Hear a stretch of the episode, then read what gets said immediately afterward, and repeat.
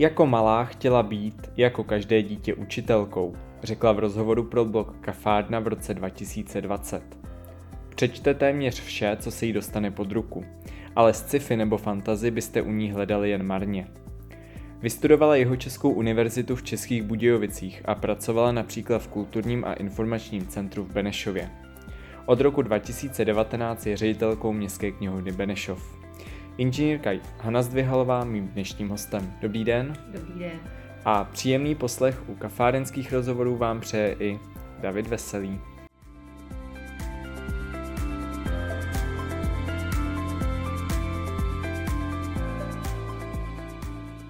Po dlouhé době opět natáčíme z audiovizuálního oddělení Městské knihovny v Benešově a jako pro každého hosta, tak i pro vás mám zde otázky na rozehřátí. Takže česká nebo zahraniční literatura? Mm, poslední dobu spíš česká. Běhání nebo procházka? Procházka. Kniha nebo film? Kniha. Víno nebo pivo? Víno. Pořádek nebo chaos? Řád v chaosu. Eh, léto nebo zima? Určitě léto. Moře nebo hory? Moře. Svíčková nebo řízek? Hmm, jak kdy. Počítač nebo papír? um, tak asi taky jak kdy. Káva nebo čaj? Čaj. Tak, to bylo 10 otázek na rozehřátí. A první otázka, jaké školy jste vystudovala? Tak eh, co se týká střední školy, tak jsem studovala tehdy ještě ekonomickou akademii, která nejdřív byla tady v Benešově, poté se přestěhovala do Neveklova, tam jsem měla obor obchodní akademie, tak eh, a potom jsem šla na vysokou školu na jeho Českou univerzitu v Českých Budějovicích, kde jsem studovala obor obchodně podnikatelský se specializací na cestovní ruch. Jaký předmět byl váš oblíbený? Asi čeština, literatura, nevadila mi ani matika. A jaký naopak byl ten neoblíbený předmět? Možná z vysoké školy mě napadá taková makroekonomie a mikroekonomie. ze, střední, eh, ze spíš ze základní školy asi jakože fyzika. Tu ekonomii máme společnou, já ji mám teď, takže chápu naprosto. Uh, vybrala byste si nyní jinou vysokou školu, než jste studovala? Já myslím, že ne. Že jsem spokojená to, co mám. Dobře. Jaká byla vaše první práce? Úplně po vysoké škole jsem nastoupila paradoxně do městské knihovny v, Benešově, v Benešově, do tehdy ještě turistického informačního centra, které bylo součástí knihovny. Takže to je moje první práce. A jak nyní vzpomínáte? Tak jelikož to byla moje první práce, navíc byla v oboru, tak na ní vzpomínám dobře, i když eh, těch pracovních zkušeností mi nedala tolik jako ty jiné následné pracovní zkušenosti. K tomu se dostaneme. Jaké profese jste tedy vystřídala předtím, než jste tady Mhm. usedla do funkce ředitelky? Tak eh, kromě teda pracovnice turistického informačního centra. Eh, jsem byla taky asistentkou ředitele, eh, byla jsem asistentkou marketingového ředitele, byla jsem taky v Praze v jedné IT firmě na recepci.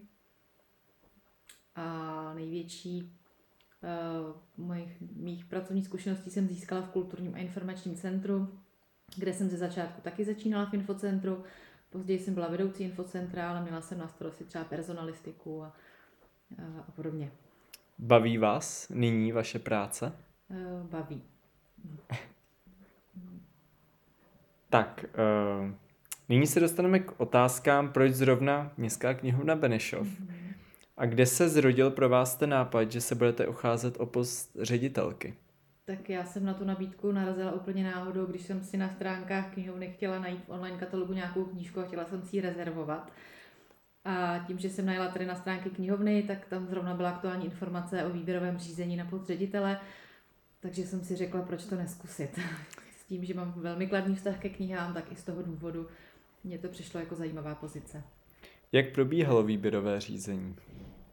Tak eh, výběrové řízení jednak samozřejmě probíhalo, jak probíhal osobní pohovor před komisí, složeno, která byla složená ze zástupců města, zástupce knihovny, ale i zástupce státního archívu a samozřejmě museli jsme předložit eh, nějakou koncepci rozvoje knihové nebo nějaký nástřel činnosti, co bychom v knihovně chtěli změnit nebo co bychom s tou, jaké jsou naše záměry, co se týká dalšího rozvoje knihovny. Čekal jste, že to výběrové řízení vyhrajete, nebo to pro vás spíše bylo překvapení? Bylo to pro mě překvapení, protože jsem to brala s rezervou a úplně v té, v té době jsem byla zaměstnaná, měla jsem práci, takže pro mě to bylo příjemné překvapení. Eh, měla jste od té funkce toho ředitele eh, nějaké očekávání? Tak eh, neumím teďka už říct, jaké jsem měla očekávání, nicméně dokázala jsem si představit, co asi tak obnáší pozice ředitele, tím, že vím, jak funguje příspěvková organizace a měla jsem samozřejmě vždycky povědomí o knihovně tím, že jsem tam sama chodila jako čtenářka, takže si myslím, že nějaké extra očekávání jsem asi neměla zkrátka. Byla nějaká věc, která vás třeba překvapila v té pozici? Co třeba musíte dělat, nebo eh, na co jste třeba nebyla moc připravená? No, teď mě akorát napadá schvalovací systém Crosseus, ale o tom asi příliš lidí neví, co to znamená. Tak to si myslím, že byl asi takový, to bylo pro mě nejnovější, nejnovější záležitost. Eh, jinak si myslím, že, že ne. Byla nějaká věc, kterou jste po nástupu musela tady v knihovně změnit? Eh, já jsem zásadně nic neměnila eh, během toho dvouletého fungování tady. Musela jsem samozřejmě řešit věci, které eh, nebyly vyřešeny v tom mezidobí, když knihovna neměla ředitele ani ředitelku, ale že bych něco chtěla nebo musela změnit, to ne. Je něco, co vás na té práci nebaví? Někdy ta přílišná byrokracie, administrativa a papírování. Eh, poslední otázka tady z toho okruhu. Eh, kolik lidí máte celkem pod sebou? Tak dohromady tady je nás včetně uklízeček 20 eh, osob. Možná se to zdá hodně na knihovnu, nicméně samozřejmě máme ekonomické oddělení, jsme knihovna pověřená regionální funkcí, takže máme i čtyři kolegyně a kolegu v regionálním oddělení. Důležité jsou uklízečky, mm, samozřejmě knihovníci, lidé v provozu a samozřejmě i bloger. tak, nyní se dostaneme k okruhům otázek. Já když jsem ty okruhy sestavoval, tak jsem tam dal otázky, nebo okruh otázek, který se jmenuje myšlenky versus realita. A já když jsem včera začal připravovat ty otázky pro vás, tak jsem si jenom tak v hlavě říkal, co jsem jako chtěl v, těch, v tom okruhu zmínit, ale nějak jsem se toho držel. První otázka zní, doba covidu stále neskončila a myslela jste si na začátku pandemie, že tato situace, která teď panuje, bude trvat tak dlouho? To určitě ne. Myslela jsem si prvotně asi jako všichni, že po první vlně eh, opadne, eh, opadnou ta opatření a všechno tak, jak to probíhá. Takže i my všichni jsme tady v knihovně byli z první vlny hrozně eh, překvapení, ale zaražení, protože nevěděli jsme, co se děje. Samozřejmě teď už po skoro dvou letech nebo roka tři čtvrtě to vnímáme tak nějak s rezervou, ale určitě si myslím, že nikdo nepočítal a nechtěl ani, aby to trvalo tak dlouho a samozřejmě ani nevíme, jak dlouho to ještě trvat bude. Co bylo nejnáročnější pro knihovnu v době toho covidu, když přišla ta první vlna? Hmm, nejnáročnější asi přizpůsobit ten provoz, tím, jak se ty podmínky měnily hrozně rychle, někdy ze dne na den nebo z týdne na týden, tak rychle ale i připravovat jakože oznámení a, a publikovat oznámení o provozu té knihovny. Eh, ty lidi, ty čtenáři často volají několikrát denně, spousta lidí volalo, jak to teda vlastně, jestli fungujeme nebo nefungujeme protože celkově ty informace nejen z knihovny, nemyslím knihovnu, ale obecně eh, byly sdělovány tak chaoticky, že lidi nevěděli, co zrovna platí a co ne. Takže nejhorší asi je vždycky eh, zajistit ten provoz a, a informovat tu veřejnost, jak vlastně fungujeme a co v současné době můžeme nabídnout, poskytovat a podobně. Myslíte, že knihovna eh, ten covid zatím zvládla dobře? Tak samozřejmě snažíme se to zvládnout dobře, ale Samozřejmě i na knihovnu, nebo i v knihovně se obě, odrazil COVID tím, tím stylem, že máme nějaký pokles čtenářů. Oproti třeba teda roku 2019, který byl ještě takový normální, bez covidu. Takže i knihovna zaznamenala téměř 30% pokles čtenářů, což se projevuje samozřejmě i na nižších tržbách a celkově eh, prostě na tom provozu. Eh, není to problém jenom naší knihovny. Když mluvím s ostatními knihovnami, tak všude samozřejmě ten pokles je. Takže to je takový největší odraz eh, toho covidu. Jak jste vy osobně prožívala tu pandemii a ty první lockdowny, které tady byly? Tak osobně určitě, tak jak jsem říkala, jsme z toho byli hrozně překvapení a zaražení, protože jsme nevěděli, co nás čeká, co smíme, nesmíme a samozřejmě i teďka dodržíme opatření, ale úplně na začátku jsme z toho byli hodně vyplašení. Tak pro, představovalo to pro nás velké riziko. Co se vám vybaví, když se řekne knihovna? Spousta knížek kolem sebe. Máte i nějakou knihovnu sama doma, nějakou větší? Větší knihovnu nemám, protože bych ji neměla kam dát. Takže moje knihovna je vlastně knihovna v práci, když to řeknu nadneseně. Ale samozřejmě knížky doma mám taky, ale jen tak už si jako vybírám, co si koupím, protože co chci, tak si půjčím tady. Co je pro vás největším relaxem? Určitě čtení.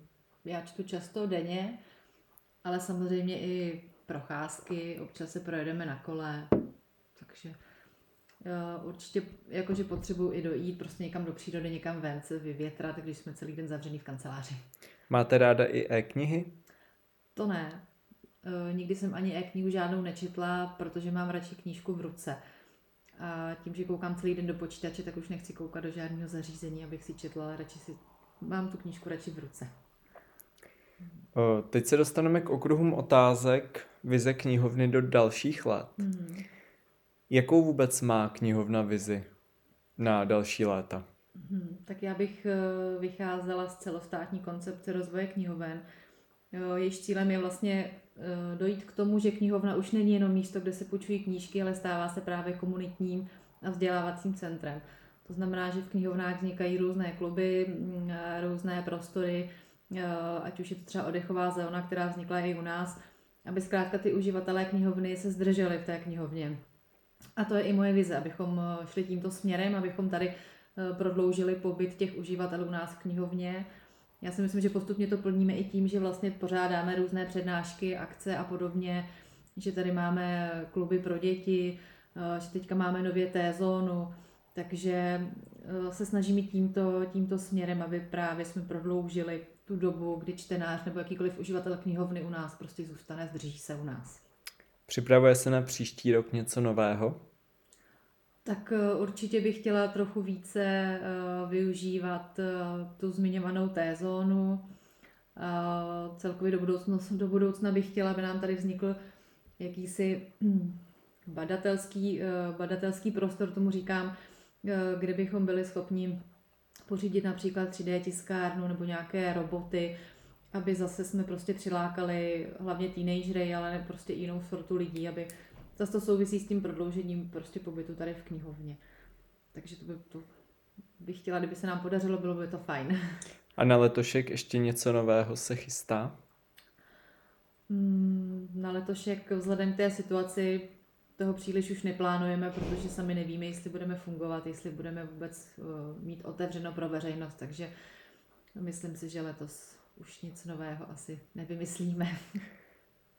Plánujete už na příští rok nějaké akce?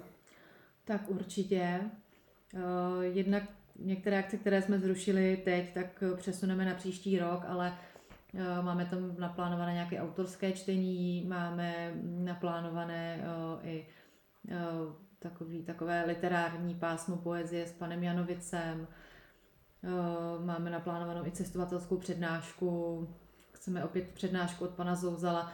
Takže ty přednášky určitě ano, s tím, že by byly tak jakože tematicky různé. Nebylo by to pouze literatura a nějaká beseda o knize, ale bylo by to, bylo by to, bylo by ta, bylo, byla by to různá témata. Uh, vy jste zde zmínila T-zónu, je to mhm. vlastně nová zóna tady v audiovizuálním oddělení. Eh, k čemu přesně slouží? Tak eh, ta myšlenka té zóny je založená na tom, že prostě chceme přilákat teenagery, to znamená především žáky, studenty druhého stupně, s tím, že už vlastně na konci roku 2019, když bylo veřejné fórum, které pořádalo město Benešov, tak z toho vyplynulo, že právě studenti tohoto věku nemají kde pobývat, nemají kde, například když čekají na autobus, aby nemuseli čekat venku, nemají ty prostory, kde by, kam by mohli jakoby v vozovkách zalézt. Takže my, když jsme žádali o dotaci, eh, tak právě jsme tam zahrnuli i vznik této té zóny. kterou tedy máme vybavenou díky této dotaci. Máme tady počítače, máme tady flipchart, máme tady multifunkční hrací stůl. Ty studenti se tady můžou připojit i na Wi-Fi, můžou si počít nějakou deskovku a podobně, takže smyslem toho je právě zase přilákat tuhle skupinu, která se velmi obtížně oslovuje. Takže a nabídnout jim tu možnost tady prostě zůstat i bez té knížky. Eh, jak by podle vás měla vypadat vaše vysněná městská knihovna Benešov? Eh, moje vysněná knihovna, já bych ji umístila asi úplně do jiných prostor, protože tady vnímám eh, problém s některý, jednak co se týká třeba depozitářů, kdy kolegyně běhají do čtvrtého patra do skladu pro knížky, kde už pak ve čtvrtém patře ani není výtah, nebo naopak do suterénu. Eh, takže mě by se ta knihovna líbila asi úplně v nových prostorách, která, kde hlavně by nebyla v budově polikliniky a kde by byl jeden centrální pult, eh, kde by probíhaly veškeré platby a veškeré eh, záležitosti týkající se registrací a podobně. A kdyby byly i toalety pro veřejnost, náš věčný problém. Nevím, kdo se posluchačů zaznamenal, ale my tady nemáme prostě toalety pro veřejnost a to já vidím třeba jako zásadní problém, když máme nějakou akci. Myslíte si, že se té vysněné knihovny dočkáme? Já se obávám, že ne. Tím, že uh, ani nejsou jiné prostory města, si myslím, a samozřejmě to je finančně náročné. Takže obávám se, že ne. Ono i to stěhování by asi bylo náročné. Taky. že knih tady máme skutečně hodně. Myslím, že na to, že jsme vlastně knihovna městského typu, tak těch knih tady zrovna málo není. Přesně tak. My tady máme zhruba uh, kolem 150 nebo 160 tisíc svazků. Takže kdybychom to měli stěhovat, tak úplně nevím, si to nevím představit. Bylo by to náročné. Nyní se dostaneme k otázkám, uh, co vy ráda čtete, jaké máte ráda autory. Mm-hmm. Takže jaké knihy vy osobně preferujete? Uh, já poslední dobou čtu docela současné české autory a autorky, ale Samozřejmě si přečtu i Alenu Mornsteinovou, Petru Soukupovou a tak dále, nebo Radku Třeštíkovou, ale docela mě baví i takový uh, ty méně známé autorky. Uh, teď jsem třeba četla uh, Neříkej autisto, to se nehodí od Natálie Ficencové. A já jsem ji třeba dřív neznala, tu autorku, ale spousta takových mladých, mladých autorek je a myslím si, že ta jejich tvorba je taky zajímavá. A já spíš dávám přednost asi takovým eh, sociálním tématům, ať už je to třeba právě ten autismus, anebo, anebo naopak eh, jsem četla nedávno knížku taky od české autorky o poporodní depresi. Eh, takový jako témata, který jsou běžnou součástí života, ale moc se o nich asi nepíše. Přečtu si někdy i tu beletry, samozřejmě, ale hodně mě baví tahle ta trošku jiná témata. Co třeba ze světové literatury? Jaké autory máte ráda? Mm-hmm. Ze světové literatury jsem asi nejvíc knih přečetla od autorské manželské dvojice pod, vystupující pod názvem Lars Kepler. tak od nich asi nejvíc, tam mě nejvíc zaujal Stalker. A jinak vysloveně zahraniční autory asi uh, přímo úplně oblíbené nemám. Nezba třeba moc nečtu. Jaká byla top kniha, kterou jste letos přečetla? Mm, líbila se mi třeba kniha Poupátka od české autorky eh, paní Lalečkové, která byla taky s takovým tématem o dospívající, eh, dospívající dceři, eh, která byla vlastně jakože zneužívána vedoucím jednoho, jednoho sboru divadelního tím, že mám dceru ve stejném věku, tak možná i proto se mě to jakože dotýkalo, eh, i když to téma není jako příjemné, ale eh, bylo hezky zpracované a tak ta knížka mě hodně zaujala. Jaká byla vaše oblíbená kniha v dětství? Vím, že jsem hodně četla Káju Maříka. to mě teď asi jediný napadá. Ale potom třeba v pubertě v dospívání jsme četli Lenku Lancovou zase na základní škole, takže asi takhle. Přemýšlela jste někdy o napsání vlastní knihy? To jsem nikdy nepřemýšlela. Takovou asi uh, kreativitu v sobě nemám, takže ne. Teď jsou docela v modě taky ty zápisníky, tak byste třeba mohli udělat zápisník ředitelky z knihovny. Jo, ano, to je pravda. tak děkuji za nápad. Ale to myslím, že by bylo zajímavé čtení, že? Možná, jo. Uh, jaká kniha pro vás byla letos naopak zklamáním? Tak to teda nevím, to teďka mě nenapadá. Já si spíš pamatuju takový ty, co mě zaujaly asi eh, víc, eh, než co mě příliš nebavilo. To teďka neumím říct teda. A kolik knih zhruba tak přečtete za ten rok? Loni to byl extrém, to jsem přečetla asi 150 knih. Letos jsem asi na 90, tak tu stovku asi pokořím. Tak ještě máte měsíc a něco čas, takže 10 knížek není zase tolik. Pro někoho jo. Čtete každý den? Ano, čtu každý den. Já se nedívám na televizi, takže večer třeba hoďku až dvě hodiny čtu. Nyní se dostaneme k poslednímu okruhu otázek, to je volný čas. Mm-hmm. Jak vy trávíte sama volný čas? Tak uh, volný čas mám většinou teda až večer, kdy si čtu, ale o víkendu třeba jezdíme s dcerou na výlety, uh, nebo jdeme na procházku, občas uh, vyrazíme za nákupem na takový ten holčičí den, takže spíš tím letím způsobem. Chodíte taky ráda do kina nebo do divadla? Ehm, ano, občas i to kino, i to divadlo zvládnu.